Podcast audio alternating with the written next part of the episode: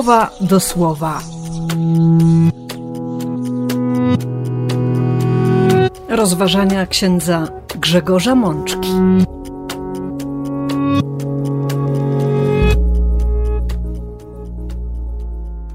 Święto Przemienienia Pańskiego, rok A.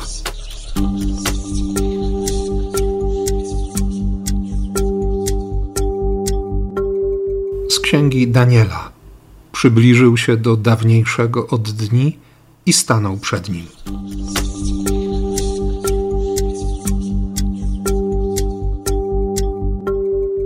Z Psalmu 97. Wokół niego obłok i kłębiące się chmury. Fundamentem jego tronu sprawiedliwość i sąd.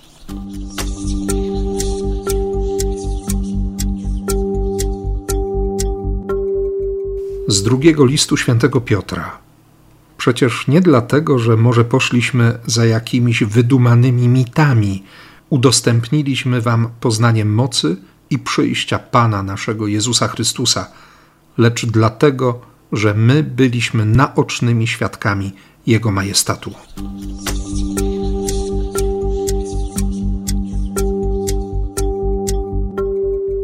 Z Ewangelii według świętego Mateusza. Gdy podnieśli swoje oczy, nikogo poza samym Jezusem nie zobaczyli.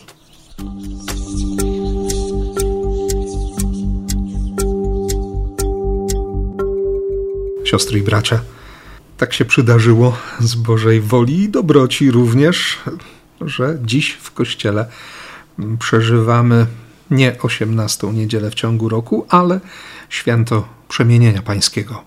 Stąd teksty liturgiczne, które usłyszymy w czasie mszy świętej, prowadzą nas właśnie przez tę tajemnicę, a właściwie do tej tajemnicy.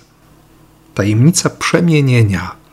Myślę, że bardzo ważnym pytaniem, które trzeba sobie postawić zaraz na początku naszego rozważania, w ogóle kiedy stajemy wobec słowa i chcemy się przejrzeć, a jednocześnie przyjrzeć sobie samym, korzystając z lustra jakim jest Biblia, trzeba postawić sobie pytanie, co się ma przemienić, kto się ma przemienić i o co chodzi w tej przemianie. A zatem, księga proroka Daniela, kilka wersetów wyciągniętych z siódmego rozdziału tej księgi. Warto jednak, jak zawsze, rozszerzyć sobie trochę perspektywę i rozpocząć lekturę tego tekstu nie od wersetu dziewiątego, Później usłyszymy werset 10, a następnie 13 i 14, ale cofnąć się do początku tego rozdziału. Pierwszy rok panowania Baltazara, króla Chaldejczyków. Gdybyśmy przyjrzeli się jeszcze wcześniejszej historii Daniela, to zobaczylibyśmy doświadczenie bardzo trudne dla niego, próbę poradzenia sobie i przeżycia jednej nocy w jaskini wypełnionej lwami. I ważnym, bardzo ważnym elementem mm, tamtego opisu jest fakt, że, że Daniel, nie mogąc patrzeć w otwarte niebo i modlić się, wpatruje się w kamień, który zakrywa otwór nad jaskinią wypełnioną lwami. Tekst biblijny jest jak zwykle bardzo precyzyjny w doborze słów. I widzimy w tamtym opisie, że słowo oznaczające głaz, zakrywający otwór do jaskini, jest dokładnie tym samym słowem, którego Biblia używa na określenie tablic, na których Bóg wypisał swoje prawo. Tablic dekalogu, tablic przymierza i prawa, a właściwie obietnic danych przez Boga swojemu ludowi. Daniel w warunkach wybitnie niekomfortowych, podnosi oczy do góry i wpatruje się w Boże obietnice. Karmi się nimi. Robi to na tyle skutecznie, że obecność lwów, zdecydowanie nieprzyjazna, nie pozbawia go życia. Dlatego potrafi się zmierzyć i w miarę spokojnie patrzeć na to, co co Bóg pokazuje jego oczom w formie wizji, bo o taką wizję właśnie chodzi na początku siódmego rozdziału. Daniel miał sen, jakieś widzenia w swojej głowie. Opisuje ten sen mm, w następujący sposób. Cztery wichry uderzyły z nieba, z morza wyłoniły się cztery wielkie stwory. Pierwszy przypominał lwicę, e, drugi podobny do niedźwiedzicy. Widział też Daniel innego stwora, jakby panterę, i pojawił się potwór przerażający, całkowicie inny od poprzedników, który miał dziewięć rogów. Nie da się ukryć, że wizja przerażająca. Nie tylko burza, nie tylko wicher, nie tylko wzburzone fale, ale przerażenie, którego można doświadczyć, potęgują jeszcze te cztery wielkie bestie. Tak wygląda pierwsze osiem wersetów siódmego rozdziału proroctwa Daniela. I nagle w kolejnym, dziewiątym wersecie, cała akcja przenosi się do nieba. Wydaje się, że nikt nie przejmuje się tym, co się wydarza na ziemi. W sali tronowej ustawiane są krzesła. Przychodzi ten, który jest dawniejszy od dni. W przykładzie Biblii Tysiąclecia usłyszymy: Przedwieczny zajął miejsce. Odzienie białe jak śnieg, włosy jakby z czystej wełny, tron z płomieni ognia, koła tego tronu to rozpalony ogień. Ten potok ognia nie ogranicza się do tronu, on, on wypływa spod tronu i, i ogarnia wszystko. I do tego niezwykły zastęp wojska. Tysiące tysięcy służących i niezliczona liczba osób, które stoją przed Bogiem. Okazuje się, że całe to zgromadzenie ma funkcję sądowniczą. Kto ma być osądzony? Ano te bestie, a właściwie ta ostatnia, wyjątkowa, na głowie której wyrósł jeszcze jeden róg, który wyrwał z korzeniami trzy rogi, zagradzające mu miejsce. W wizji Daniela ów róg na głowie najstraszniejszej z bestii wypowiada słowa bluźniercze, butne, ale, ale nagle ta bestia zostaje zgładzona. Jej ciało spalone w ogniu, pozostałe zwierzęta również zostają pozbawione władzy, mają wyznaczoną długość życia, nie mogą się panoszyć bez końca. Myślę, że, że trzeba zatrzymać się przy tym tekście i, i uświadomić sobie po raz kolejny, przypomnieć sobie, że tym, który panuje nad wszystkim, jest Bóg.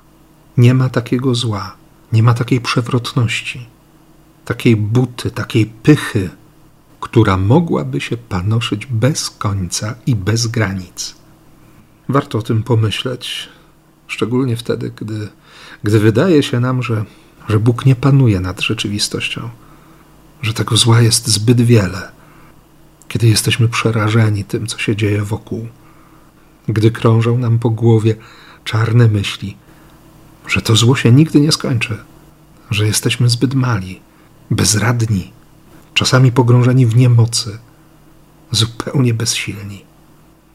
Proroctwo Daniela pokazuje właściwe proporcje.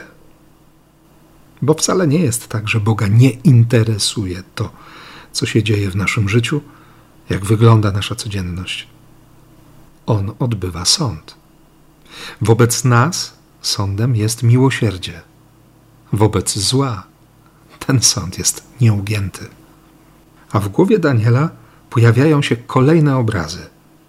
Nadchodzi wśród obłoków nieba jakby syn człowieczy.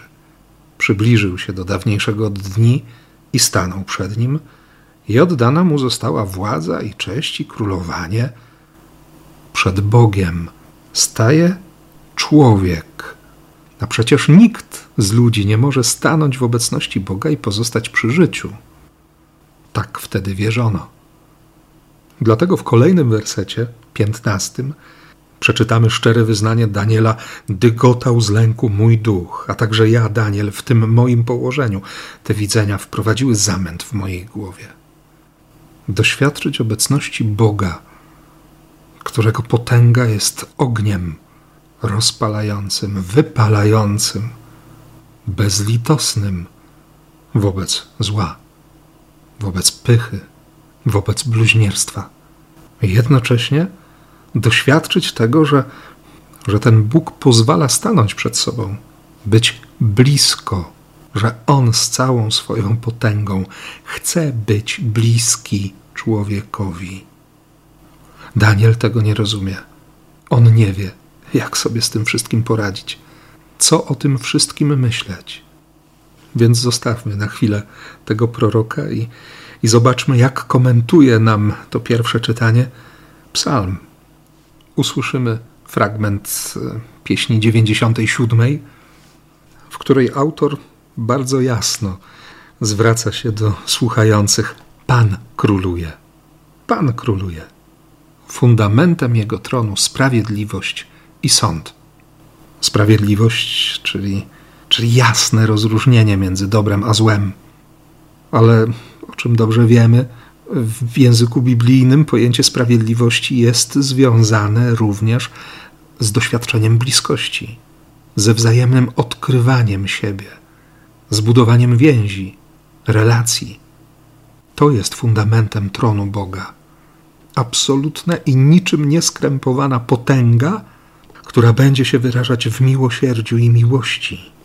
Dlatego usłyszymy choćby w ósmym wersie: Dowiedział się o tym Syjon i radość go napełniła. Cieszą się córki Judei z powodu Twoich, Panie, wyroków. Bóg wszechpotężny, Bóg wszechmocny jest Bogiem bliskim. Jest Bogiem, który szuka relacji. Jest Bogiem, o którym dziś powiemy, że Jego sądem jest miłość i miłosierdzie. I to jest konkret. Konkret, którego doświadczamy. Konkret, który może nas przemieniać, który sprawia, że, że w nas, siostry i bracia, rodzi się pragnienie nawrócenia rzeczywistego i autentycznego odwrócenia się od, od zła, od tego, co grzeszne, od tego, co niepotrzebne, co niewłaściwe. Po to, by iść za Bogiem, za Jego słowem, by wierzyć, by kochać, by żyć. I dlatego w trzecim słowie, jakie dociera dziś do naszych uszu, i mam nadzieję, że zakorzeni się również głęboko w naszych sercach, jest bardzo wyraźne przekonanie apostoła Piotra, który mówi, że, że nie chodzi o żadne wydumane mity, nie o wizję, ale chodzi o świadectwo, o doświadczenie. Udostępniliśmy Wam poznanie mocy i przyjścia Pana naszego Jezusa Chrystusa nie dlatego, że poszliśmy za jakimiś wydumanymi mitami, ale dlatego, my byliśmy naocznymi świadkami Jego majestatu doświadczyliśmy, usłyszeliśmy, przekonaliśmy się, bo byliśmy z Nim, ale jest jeszcze więcej. Trzymamy się nauki proroków, trzymamy się słowa. Nie tyle naszej interpretacji faktów, doświadczeń, przekonań. Trzymamy się słowa, bo żadne proroctwo pisma nie powstaje z prywatnej wypowiedzi. Nie z woli człowieka zostało dane, lecz pod wpływem Ducha Świętego wypowiedzieli je ludzie od Boga. Wizje wizjami, przekonanie, doświadczenie własne, osobiste, intuicja. Tak, to są dobre rzeczy, ale fundamentem jest Słowo Boga. Nie szukam słowa, które by uzasadniło i dało wiarygodność moim przekonaniom, doświadczeniom, sugestiom, intuicjom ale proszę Boga, by dał mi poznanie swojego słowa, bym słowu był posłuszny, bym pozwalał, by słowo Boga czytało moje życie, moją codzienność, by ostatecznie słowo Boga przemieniło mnie. I to się właśnie dzieje na górze przemienienia. Święty Mateusz zaznaczy, że, że po sześciu dniach Jezus zabiera ze sobą Piotra, Jakuba, Jana wprowadza ich na górę wysoką, na osobności. U innych ewangelistów przeczytamy, że Jezus wprowadzał ich osobno, każdego z nich oddzielnie. I tam, na tej górze, został przemieniony wobec nich. Bo bynajmniej wcale nie chodziło o jakieś uzasadnienie boskości Chrystusa, jego wyjątkowej relacji z Ojcem, Pamiętamy dobrze, że święty Łukasz zaznaczy, że wszystko działo się podczas modlitwy. Jezus się modli, czyli wchodzi w relację z Ojcem i to spotkanie go przemienia. Czytaliśmy niedawno w Księdze Wyjścia, w liturgiach Dni Powszednich, że Mojżesz, wychodząc z namiotu spotkania, miał rozjaśnione oblicze. Rozmowa z Bogiem przemieniała Mojżesza. Papież Franciszek tak często mówi o tym, żeby się opalać przed Najświętszym Sakramentem, żeby wchodzić w adorację, czyli to wewnętrzne pragnienie naśladowania. Jezus zaczyna się modlić. Tym razem przy świadkach. Być może to doświadczenie przemienienia, tego rozjaśnienia e, oblicza i, i szat było codziennością dla Jezusa. Kiedy wymykał się z domu, by, by spotkać się z Ojcem, by z Nim rozmawiać, by podsumować dzień i, i ustalić plan działania na dzień kolejny. Być może tak się działo codziennie. Akurat teraz świadkami tego przemienienia, tej intensywności relacji z Ojcem są Piotr, Jakub i Jan. I są tym przerażeni. Tym bardziej, że do Jezusa dołączają jeszcze Mojżesz i Eliasz. Tych dwóch, którzy wiedzą, co to znaczy być przemienionym, być rozjaśnionym, rozognionym miłością Boga. O Mojżeszu powiedziałem przed chwilą, a przecież wiemy, że Eliasz również miał takie doświadczenie. Szczególnie w ostatnim momencie swojego życia, kiedy został porwany przez ogień. Gdy Elizeusz, jego uczeń, zobaczył ognisty wóz zaprzężony w konie płonące ogniem żywym i, i Eliasz został uniesiony do nieba. Mieć taką relację z Ojcem Niebieskim, że, że oczy błyszczą, że twarz jaśnieje, że jest się innym człowiekiem. Piotr oczywiście przygnieciony trochę ciężarem tego doświadczenia, ponieważ trwa święto namiotów, odzywa się to, to może uczynimy tutaj, postawimy trzy namioty dla ciebie, dla Mojżesza, dla Eliasza. Święto namiotów przecież na tym polega. Żydzi opuszczali wnętrza swoich domów, by zamieszkać na kilka dni pod namiotami, by przypomnieć sobie, że Bóg ich przeprowadził przez pustynię, że wypełnił każdą ze swoich obietnic, że każde słowo wypowiedziane przez Boga spełniło się ale na tej górze to Bóg ma coś do powiedzenia. To Bóg wychodzi ze słowem do człowieka. Pojawia się świetlista chmura, która zasłania, która ocienia. Ażby się chciało zajrzeć do Ewangelii Łukasza i, i sceny zwiastowania Maryi. Duch Święty zstąpi na ciebie, moc Najwyższego będzie cieniem nad tobą. Ten, który jest blaskiem, który jest ogniem, nagle ocieni te paradoksy, bo trudno opisać rzeczywistość Boga, trudno wyrazić słowami doświadczenie spotkania z Nim. I jeszcze ten głos wydobywający się z chmury. Ten jest syn mój, umiłowany. W nim upodobałem. Słuchajcie go. Po raz kolejny ojciec przyznaje się do swojego syna, potwierdza jego misję to, co wydarzyło się nad Jordanem i było początkiem misji Jezusa, teraz na górze przemienienia jest wypowiedziane raz jeszcze z wielką mocą wobec świadków.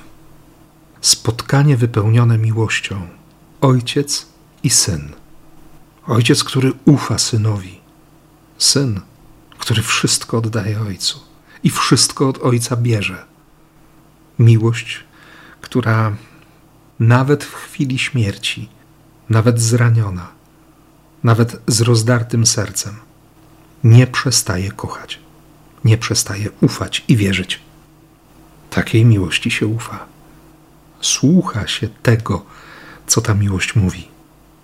Tym bardziej, że za chwilę u podnóża góry, gdy Jezus z apostołami wróci do, do całej reszty, nastąpi konfrontacja.